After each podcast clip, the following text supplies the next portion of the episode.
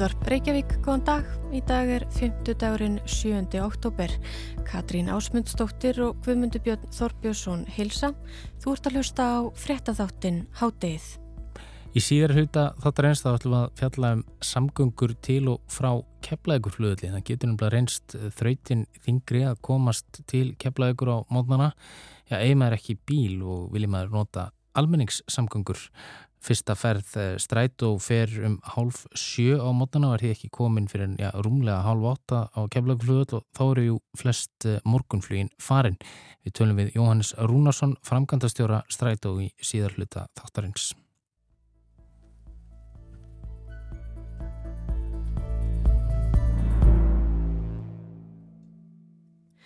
Ástandið í Afganistan fer síversnandi undir stjórn Talibana.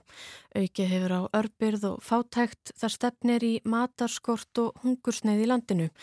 Og allt þetta þrátt fyrir gífurlega innspýtingu fjármags bandaríkjamanna til Afganistan, fjármagn sem átti meðal annars að skila sér í uppbyggingu innviða í Afganistan. En hvert fóru þeir peningar, hvernig var þeim eitt og dögðu þeir svona skamt? Gunnar Raffn Jónsson er komin til okkar og hann veit meira um málið. Vertu velkomin Gunnar.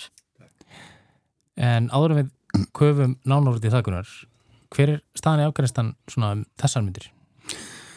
Gríðalegur óstöðuleiki og óviss, það er kannski það helsta sem að enginn er ástandið það því að þrátt fyrir fögur lofur talibanar sem hefur mikið verið fjallaðum í, í fjölmilum að þá er ekki ennþá farið að bera á neinum að þeim umbótum eða slum halda uh, kannski halda okkur við að afturförum uh, það hafa orðið afturfari rólíkt því sem að þeir lofuðu það er hvernarskólar eru lokaðir mm. stúlkur er ekki komast uh, til mentunar og sama áttu áður og lofur þeirra um að skapa breyða stjórn sem hefur myndið skapa sátt í landinu breytist síðan bara í einhverja klíkustjórn sem er einhverjum skipuð toppmönnum úr einstu röðum talibana Þannig að staðan í landinu er að þeir eru núna að heia stríð aðalega við Ísis sem er nú síst skári kostur. Emitt, eins og við rættum um hérna á dögunum. Emitt, og um, ég raun og veru bara að leggja alla áherslu. Núna myndi ég halda á samskipti við Erlend ríki að því að það er líkillin að því að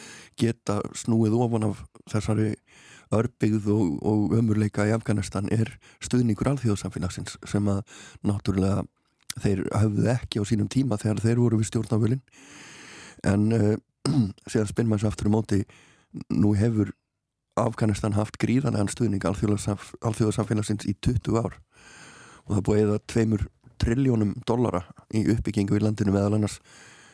Um, Já og þetta voru, þetta voru peningar frá bandaríkjum, það er kannski bara verðt að spyrja þá núna sko, hva, hérna, hverju skilaði þetta? Við náttúrulega höfum kannski sé fréttir að því eða fólk hefur viðrað þær áhyggjur rættir að, að þetta sé allt unni til einskís, öllum þessum peningum sem var eitt inn í landi. Við lítum bara á skíslu Transparency International sem er óháð samtök sem taka saman spillingastegi í mismöndu landum. Það var Afganistan í þriðja neðsta sæti í heiminum. Einu ríkin sem eru fyrir neðan er Somalia sem er ekki ríki, bara lögleysu, lögleysa sem það er og Norður Kórea. Og þannig er að tala um náttúrulega áður en Taliban komst til valda.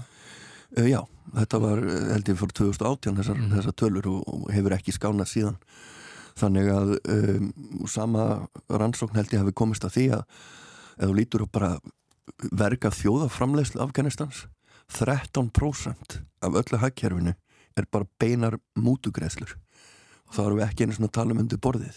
Þetta er bara partur af kerfinu, þú bara greiðir þig inn í störf, þú greiðir þig út úr vandamálum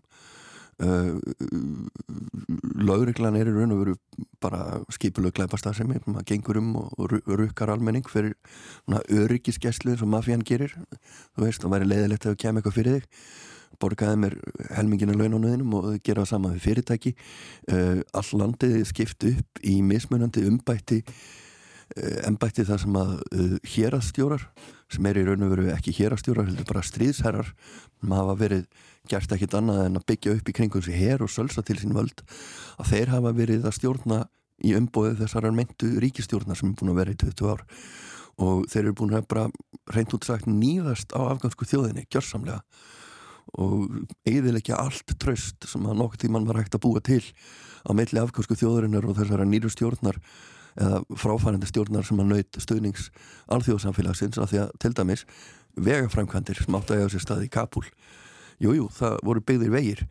Veginni lág allir bent út úr borginni í um, svona afskekt svæði og þar risu síðan hallir þar sem allir ráðamenn byggðu sér sína einn hallir og kerðum á Mercedes-Benz og Rolls-Royce og byggu bara, girtu sér bara af og byggðu múra og, og hérna og þar gætt fólk á hverjum degi farið á hestvagninu sínu framhjá og sjá, séð byggingafrænkvendir miklar byggingafrænkvendir sem allar voru bara til þess að proppa undir rassin á einhverjum einræðisherrum. Þetta náttúrulega skapar það ástand að landið bara virkar ekki En já, þegar þú segir þetta svona á hljómart einfalt, mm. var enginn búin að vara við þessu, til dæmis bandrækjumenn sem að eittu pening og meiri og meiri og meiri pening, sáu þau þetta ekki fyrir og sko hvað gerist núna? Er Afganistan í stakk búið til að taka við aðstof frá alþjóðsamfélaginu eða fer þetta á sama veg og áður? Það er mjög margir hættur um að þetta sé bara gatasikti og getur held eins miklu fjármækni í þetta núna eins og þetta er það munir bara skila sér til eina þessar að það munir enda í, í einhver staðar jáfnveil í Pakistan eða einhverju nágranna ríkjum þar sem talibanar hafa komið sér fyrir. Þeir munir nota þorran að þessu í að greiða mútur því að þessir menn sem eru þeim hliðhóllir hérna, þessi hér að stjóra sig að tala um þeir eru þeim ekki hliðhóllir nema bara meðan þeir eru á, á samning, á launarsamning þannig að talibanar þurfa gríðarlega á stuðningi alþjóðsamfélagsins að halda en það sem þeir ætla að gera við peningana er kannski ekki eitthvað sem alþjóðsamfélagi vill og um, En var ekki bara hægt að setja á einhverju skilmóla því að náttúrulega viðkenning erlendra ríkja og stjórn talibana hlýta hafa mikil áhrif og hvaða áhrif væri það þá helst? Fyrstu áhrif, þetta er mjög formlegt í raun og veru, það hefur ekki neinn bein áhrif strax viðkenning ríkis. Það sem ge gerist þegar þú viðkennir ríki er fyrst og fremst að þú viðkennir eignas yfir innviðum landsins og þar að leiðandi getur þið kannski affrist bankareikninga sem eru í erlendum böngum og uh, fengið það aðgang að fjármagnar sem tæknilega tilherir afganska ríkinu þó enginn viti hvað er mikið eftir fráfærandi leittóðar að vantarlega stóliði en uh, maður sem heitir John Sopko sem að á að hafa eftirlit með þessu hann er yfir eftirlitstofnuninni uh, Secretary General Inspector for Reconstruction in Afghanistan Sigar heitir það stuttunafni Sigar Uh, hann er búin að segjast vera búin að síðustu tíu ári í ennbætti sínu vera að vara við þessu og ganga fundi allra á að segja þeim 50% af öllum sem við sendum hann inn guðvar bara upp. Hann fór til Helman Tjeraðs sem er eitt stærsta mikilvægasta héræði kom í ljós þar. 50% af öllum lauruglumönnum sem voru þar á skrá er ekki til. Voru aldrei til, þetta eru bara einhverju héræðsæðingjar skráðu bara einhver feik nöfn niður á blað og eru búin að vera innhemta laun fyrir einhverjum þúsendir lauruglumanna sem aldrei voru til. Östu til lókingunar heldur þú að heldur þú að sé einhver vona að þetta breytist? Að þetta kerfi breytist? Það tekur langan tíma og það þarf sérfræðinga í alþjóðaðstóð til að koma inn. Sérfræðinga í þrónaraðstóð sem að eru til. Fæði minn meðal annars mentaði sem þess líkur á, á sínum tíma og það er alveg til vísindi og þekktar ansóknir byggðar á reynslu og það sem bandaríkja hér hafði ekki þegar fóratinn var reynsla þeir vissi ekkit hvert það voru að fara og þekkt ekki samfélagið sem það voru í Einmitt. Við komumst ekki lengur með þetta mál núna, takk fyrir komuna Gunnar og uh, að loknum hátaðisötum þá ætlum við að tala um alvöru fyrsta heimsvandamál almenningssamgöngur.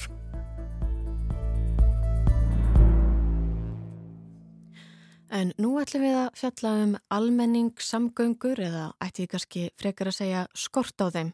Ólíkt því sem tíðgast víðast hvar í heiminum er ekkert að taka almenningssamgöngur á há annað tíma til og frá alþjóðaflugvellinum á Íslandi í Keflavík. Það er þó ekkert að taka flugrútu sem kostar sitt. En hvað veldur þessu? Guðmundur Björn kynnti sem álið og rætti við Jóhannes Rúnarsson, framkvæmdastjóra Strætó.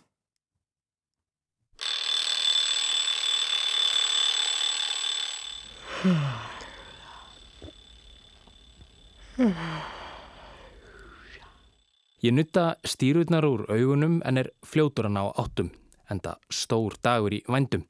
Ég er að fara til útlanda. Þú kannast við þessa tilfinningu hlustandi góður, best að drífa sig út á völl.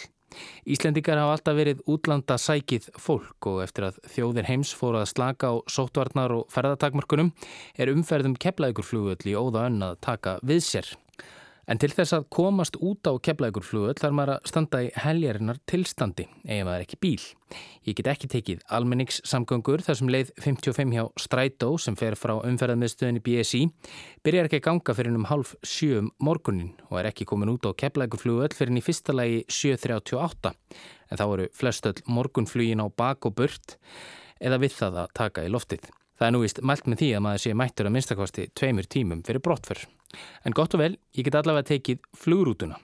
En til þess að komast á BSI þarf ég annarkvæmst að taka leigubíl eða ganga þar sem engin er jú næturstrætóin. Á BSI hef ég valkostum að skipta við tvö engafyrirtæki, kynnisferðir og hópbíla sem er eitthvað flugrúturnar Airport Direct og Flybus. Miðin í Airport Direct rútuna kostar 3000 krónur og í Flybus 3500 krónur. En ætla má að ég sé búin að eida einhverjum peningum í leigubíl nú þegar að mista kosti 2000 krónum en líklega meira. Að komast á flugullin kostar mig því aldrei minna en 5.000 krónur en heimliðin gæti verið eitthvað ódýrari. Ætli ég get ekki fengið eitthvað til að sækja mig á BSI þá. Nú eða bara tekið stræt á þaðan. En ég er nú kannski ekki stórumálið þessu öllu saman, heldur miklu frekar þær miljónir ferðamanna sem komið hafa til Ísland síðustu ár og gera vonandi áfram á næstu árum. Inn í flugstöðinni er auðvelt að kaupa miða hjá Airport Direct eða Flybus, en það er aðeins floknar að finna sjálfan strætóin sem gengur frá keflagur flugvelli klukkan hálf sjö morgunin og til 5.11 um kvöldið. Hins vegar fer hann aðeins á rúmlega tvekkja tíma fresti um morgunin og klukkustunda fresti eftir hádegið og eftir kvöldmatt er aðeins tvær ferðir. Fyrir þessu eru góðar og gildar ástæður. Peningar. Jóhannes Rúnarsson er framkvæmdastjóri Strætó. Við þekkjum þess að sem við fyrir til útlanda að við getum tekið Strætó, lest eða jafnvel rútu eða legubíl á flugvelli en til þess að náttúrulega hafa möguleika að vera með leiðarkerfi í gangi sem að sinnir þá flugi þá þyrtu við að, að, að hérna, fá meiri pening fyrir þetta. Rekstrarfélag keflaðugur flugvallar í Savia bauð út aðstöðu við flugstöðina aðrið 2017 þar sem öllum starfandi fólksflutningsfyrirtækjum stóð til bóða að kaupa aðstöðu. Samið var við kynnisferðir og hópbíla sem greitu háar fjárhæðir fyrir að mega leggja við flugstöðina. Að sagn Jóhannessar tók Strætó ekki þátt í útbóðinu en það gæti Strætó ekki staði undir þeim kostnaði með við þá fjármunni sem Strætó er útlutað. Þannig að leiðakerfi strætó til keflavíkur eða suðunisja er ekkit endilega hugsað fyrir sem, sem eina lustin fyrir ferðamenn og þess vegna erum við ekki að byrja fyrr en, en það er svona snýstu um það að, að, að rúturnar svolítið sjáum þessa farþega sem er að fara í flug. Og það eru sem fyrir segir rútur kynnisferða og hópíla. Hafa skal í huga að Ísafja er ofinbært hlutafélag í eigu ríkisins eins og ríkisútvarpið en ekki á fjárlugum ólíkt rúf. Keflaðugurflugullur er þannig rekin fyrir sjálfsablarfið að sögn Guðjóns Helgasonar upplýsingafulltrúa Ísafja. Hins vegar þá hefur Ísafja farið í útbóð á þessum ekstri og fær tekjur, tölur vera tekjur af þessum rútufyrirtækjum, fær bara ákveðna þóknum per farþægi ef mann rétt og það hefur svona kannski valdið því að fyrirkomulagi hefur svona verið svolítið óbreytt að, að þeir, þeir nú er svo sem að fullir eitthvað sem ég veit ekkert um en þeir hafa svona kannski viljað að þessi rútifærtiki sætu svolítið einum þessa farþega sem allan væri að fara í morgunflug og, og þá, og þá hérna, sem er nú stærsti held í annar tímin á flugöllinum og þess að ég viti það nokkur nokkar heldur en við höfum allavega verið valkostur þá fyrir starfsmenn sem þurfa að byrja á þessum tíma og síðan þá sem að vilja þá fara í flug yfir miðjandaginn en það er náttúrulega eins og við þekkjum all oftast eh, miklu stópulli flug þá sko. Segir Jóhannes Rúnarsson. Það er rétt hjá honum að þau sem fara í flug yfir daginn geta vissulega tekið strætó sem og þau sem koma til landsins geta vissulega ferðast með þessum niðugreittu almenningssamgöngum frá keflagur flugvelli en það er ekki alveg eins einfalt að taka flugrúturnar tvær. Strætóstoppstöðin er staðsett á kjóavöllum í nokkru mínútna fjarlægð frá flugstöðinni og þaðan fyrir leið 55 og tekur hún klukkustund og 7 mínútur að komast á BSI. Jóhannes segir að á sínum tíma hafi samkeppniseftilitið álitað svo og það veri óeðlilegt að strætó nýti forreitinda við flugstöðina. Og það var svona kannski þess valdandi að, að stoppustöðar strætó eða landsbygðarstrætóar voru, voru færðar frá flugvöllunum og eru núna á kjóavellum. Ég veit ekki hvort þú tekkir svæðið þarna en kjóavellir eru, eru þá nálagt þessu þjónustu kjarnar hérna í kringum flugvöllin, þessum er til dæmis hótel og bílalegur og þess að þar og það var svona, ef ég skildi í sig rétt, mála miðlun gagvar samkynnsíföldu því að það voru þetta fleiri rútufyrirtæki sem vildu komast að flugstöðinni en útbóðið heimilaði ykkur um tveim fyrirtækjum að gera það og, og við vorum þá færðir hérna út á kjóvelli. En þá er það hitt. Farið svo komufar þegar vilji komast með ódýrari hætti til Reykjavíkur hefur það verið reynsla margra að erfitt sé að finna skýrar merkingarinn í flugstöðunum hvar strætó sé að finna. En ferðin frá keflækurflugulli til Reykjavíkur með strætó er mun ódýrari en með flugrútunum. Strætó kallaði eftir því að betur er þið staðið að þessu og í skriflegu svari til hátegisins segir Guðjón Helgason upplýsingafulltrúi í Savia að búið sé að bæta úr því og á upplýsingaskjám í flugstöðinni séu nú byrtar upplýsingar um samgöngur til og frá flugvellinum og staðsetningu fólksflutningsfyrirtækja og bílalega við flugstöðina. Því er framkvæmdastjóri Strætó nú ekki alveg samála. Já, við sallavina höfðum þann skilning eftir fundi með þeim að, að, að þeir hefðu hvar stoppustöðin væri. Og, og hérna en við höfum allan ekki tekið eftir því að það sé búið að breyta hennu innan flugstöðarinnar eh, þannig að ég get ekki svaraði öðruvísi það að, að svolítið svona boltinn bara liggur hjá þeim. Að, að benda á þennan valkost og, og leifa þá fartöðum að velja hvort er taki leigubíl eh, veist, þessa flugrútur eða, eða strætó. Og, og hérna og þetta er svo þú segir, við sjáum þetta í öllum flugstöðum í heiminum það er bent á alla þessa valkosti, það er bent á rútur, það er bent á legubíla, það er bent á þá lestir ef það er og, og strætó ef þeir eru til staðar. Þannig að það er svo sem kannski það sem við myndum vilja sjá breytast þarna til að byrja með sko Til að komast frá Kastrup fljóðvöldi á söður hluta Amager er hægt að taka metrólínuna niður í miðborg Kaupmannahafnar. Hún fer á fjóra til 6 mínútna fresti yfir daginn og 15 til 20 mínútna fresti yfir nóttina. Vil ég fara frá Kastrup á Kongsins Nýjatorg, kostar miðin 18 krónur danskar eða í kringum 360 krónur íslenskar. Frá Kastrup er einnig hægt að taka strætó og lest yfir til Malmö í Svíþjóð og kostar sámiði 92 krónur eða í kringum 1800 íslenskar. Arlanda Express lestinn fer frá Arlanda flugvelli í Svíþjóð og er komin 18 mínúndum síðar inn á aðalestastöðina í Stokkólmi. Miðin þar kostar 299 krónur sænskarið í kringum 4400 íslenskar krónur og tekur ferðarleið í kringum 18 mínútur. Hins vegar geta farþegar einni tikið rútu frá flugvellinum, finnist þeim lestin of dýr. Flixbus kostar tæpar fjórar efrur og er komin í miðborg Stokkólms um fjórum mínútum síðar.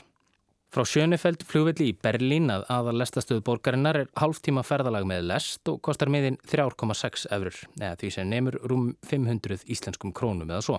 En hvað þýrt að gerast til að almenningssamgöngur til og frá kepplaugurflugvelli myndur skána og vera eitthvað í líkingu við það sem við sjáum í Londonum í kringum okkur? Hér virðist eins og ríkið sé ekki almennilega að hlusta á sjálft sig ef þið skiljið hvað ég á við. Vegagerðin rekur landsbyðastrætó en leið 55 til og frá flugvellinum heyrir því undir vegagerðina. Við erum að þjónustasest vegagerðina sem að ber ábyrð á landsbyðastrætó yfir allstaðar um landi. Þannig að peningarnir sem að borga landsbyðastrætó þeir koma bara frá ríkinu og ríki setur ykkur hundruð miljónir í landsbyðastrætó ári og fyrir þennan pening eru við að skipulegja þá með aðstóð eðagerðanar hvernig leiðakjöri getur lítið út með þennan fjárhagsramma sem hefur. Og auðvitað er það þannig og þú veist að þetta er svo sem eilit deilumála að, að meiri tíðni, stýttri ferðartími hefur yfirlegt eh, áhrif á hvort þú notar þetta þennan ferðamáta eða þennan ferðamáta eða þennan ferðamáta. Og, og í dag er þetta ágætist tíðni svona yfir daginn, svona há annar tíman allavega en þessu dan og við erum ekki að byrja að kera fyrir hálf sjö eins og segir og það er náttúrulega svona örgla 60-70% af fluginu farið þegar að fyrst í strætóan kemur. Þannig að við erum ekkert sko við erum ekkert valkostur fyrir flugfartega á mótnana, það er bara þannig. En til þess að geta orði valkostur þá þyrtti meiri peninga og það þyrtti betri innviði þar sem við þyrttum að geta stoppað nær flugstöðinni. Þannig að fólk þyrtti ekki að lappa þótt að sé nú ekki langt 300 metra held ég að sé hérna í stoppstöðinu eða þú lappar þannig yfir yfir svona bara opið svæði, getur orðað þannig eh, yfir götur, yfir bílastæði til að komast inn í til dæmis brottvara og ef þú ert að koma, koma til landsins þá þarfst að fara frá komustæðinum og yfir í brottvarastæðin og svo lappa út að stoppustöðinu en til þess að þetta er því valkosti þá þurftir bara meiri peninga og, og fá betri aðstöð, það er ekki spurning Jóhannes segir að vegagerðinu í Savia, ríkisfyrirtækin 2, þyrtu hér að ná einhverju lendingu en þó væri alltaf ljóst að það þyrta stór auka fjárvitingar til strætó í leiðinni. En svo staðan er núna og í ljósi þess að í Savia er ekki á fjárlögum hefur Jóhannes skilning á því að í Savia sé trekt til að stefna þessum tekjulið í hættu. Allavega eins og staðan í dag þá er fyrirkomulega þannig að þeir hafa tölur að tekjur af rútonum og meðan að það er þá verður erfitt að komast að hjá þeim og þeir hafa líka held í skipulagsvaldið á svæði í kringuflugstöðuna þannig að þeir geta eflaust ráði hvort að þessir og, eða hinn fá að stoppa sikkur með einn þar segja við brottfur eða, eða, eða komu til þess að pikka upp fartega. Strætó er í eigu sveitafélagana á höfuborgarsvæðinu, borgin á í kringum 60% og vegagerðin, hún ber ábyrð á landsbyðastrætónum eins og fyrir segir og svo styrkir ríkið strætó um tæpan miljard á ári til að ebla almenningssamgöngur á höfuborgarsvæðinu. 90% af þeim fjármunum fer til samgangna á höfuborgarsvæðinu og 10% fer til landsbyðastrætóna sem ganga nálagt höfuborginni. Bara í lókin, Jónis, er þetta mál sem að svona, þið eruð að velta fyrir ykkur og, og langar að breyta eða ertu sjálfur bara sáttur við þetta eins og þetta? Nei, nei, við viljum auðvitað breyta og við hefum líka átt ágætti samtölu við sveitafélagin hann á suðinu sem að þau hafa líka áhuga á að ebla almenningssangangur á svæðinu og þar, þar með sagt, tengja flugstöðuna betur við sem atvinnusvæði því að Í dag eru til dæmis almenningssangur á suðinu sem þannig að þú teimi Sandgeri sem er ykkur 8 km frá flugstöðinni þá byrjar það að fara, ga fara í garð og svo til keflaðegur og svo upp í flugstöð. Þannig að það eru svolítið laung leið og þú ætlar að nota stræt og sem, sem svona faratæki til vinnu. Og þetta snýst líka þar bara um peninga en, en, en veist, það er alveg tækifæri líka á svæðinu til þess að ebla, ebla almenningssangungur og, og, og gera þá fólki kleifta og fara til vinnu á, á svona vistvænari